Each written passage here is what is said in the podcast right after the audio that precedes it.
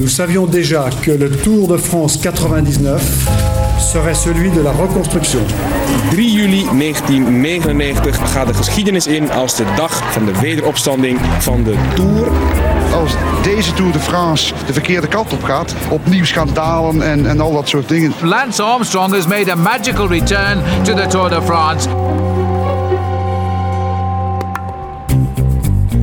Radio Tour de France verslaggever Steven Dalebout onderzoekt hoe de tijd onze kijk op de wielergeschiedenis verandert. In een nieuwe aflevering van Toch nog een Tour.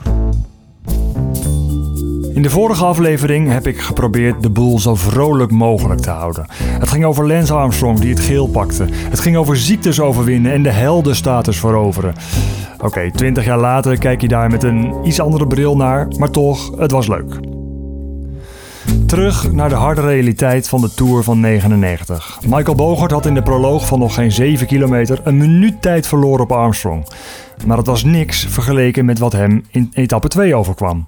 Het, is een zeer merkwaardig geheel om hier dwars op die zeebodem te staan. En uh, die, uh, die weg die, uh, ja, die hoekt een klein beetje naar rechts. En precies in die bocht is het gebeurd. En waarschijnlijk is het is hier veel uren van de dag is het helemaal nat. is het daar toch een beetje glad door de modder en het vocht. En is men daar weer massaal onderuit gegaan. De Passage du Gois is een weggetje door de zee. Het loopt van het vasteland naar een eilandje. En elke keer als het vloed is, staat het onder water. De Passage du Gois is dus een gladde weg. In de Tour van 99 slaat die glibberpassage alle hoop weg die Michael Bogert nog had op een goed klassement. Ik ben eigenlijk twee keer gevallen die dag. Uh, voor Passage du Croix. Vlak voor Passage du Croix was het wringen geblazen. Omdat iedereen wist, we gaan uh, een weggetje in het water uh, op.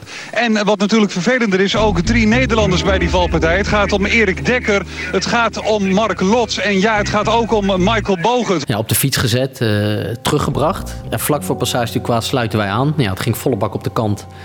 En Wouters, die rijdt, Wouters en Lots, die rijden mij echt langs de waai, langs de, ja, de renners zaten op de kant. En die rijden mij in de wind, rijden ze me naar, naar de, willen ze me naar de eerste waaier toe rijden. En er zit een beetje een flauwe bocht in de Passage du Croix. En daar lig, liggen een aantal renners op de grond. And you know, Paul, I heard there's something like a crash there. And there it is. It happened at the back of the field. Ja, Wouters begint te remmen, Lots begint te remmen, ik begin te rennen. En ja, remmen en het, ja, het was gewoon glijden. A number of riders are down here. This is a massive pile-up here. His body's all over the place. Ik pak hem toch nog even terug voor Jos, want we zien ook dat het peloton gebroken is. Waarschijnlijk door die valpartij, misschien ook door de wind die hier op kop zit. En in dat eerste pelotonnetje een mannetje of 30 misschien. En daar zit dan Lance Armstrong met zijn gele trui. En erachter, daar brokkelt het, verbrokkelt het allemaal. En als ze nu eens door blijven gassen, dan zou er wel eens een hele sensationele etappe aan kunnen komen. Ploegenoten Patrick Jonker, Maarten de Bakker en Erik Dekker zitten in de eerste groep. Kopman Michael Bogert vecht zich die dag gehavend naar de finish, waar Jeroen Wielaert al staat te wachten. Loop met hem op. Hij komt uh, met een strak gezicht en uh, bebloede lippen binnen. Bogert verliest die dag meer dan zes minuten. Michael, hoeveel illusies liggen daar op de zeebodem? Ja, ik was van de eerste valpartij was er niet echt lekker van. En, uh, dus het ging gewoon niet meer. Ik gewoon hier is mijn toer kateuk. Maar kijk naar je lip, het lijkt wel een slagerij. Hoe voel je je eigenlijk? Nou, ik voel me nou niet zo lekker. Ik een beetje, het is net of ik klap in mijn gezicht heb gehad. Ik probeer me te verplaatsen in Bogert. Stel je voor, heel Nederland hoopt dat jij een goed klassement gaat rijden in de Tour. Op dag 1 word je 146ste in de proloog. En op dag 3 glibber je de Atlantische Oceaan in. En nog erger, verlies je 6 minuten op de concurrentie. Ook in die Tour hebben gewoon echt mensen die het goed met me voor hadden. Die hebben gezegd tegen mij, jongen, stap af. Ook het jaar daarna, stap af. Of rijd de Tour niet, doe het niet.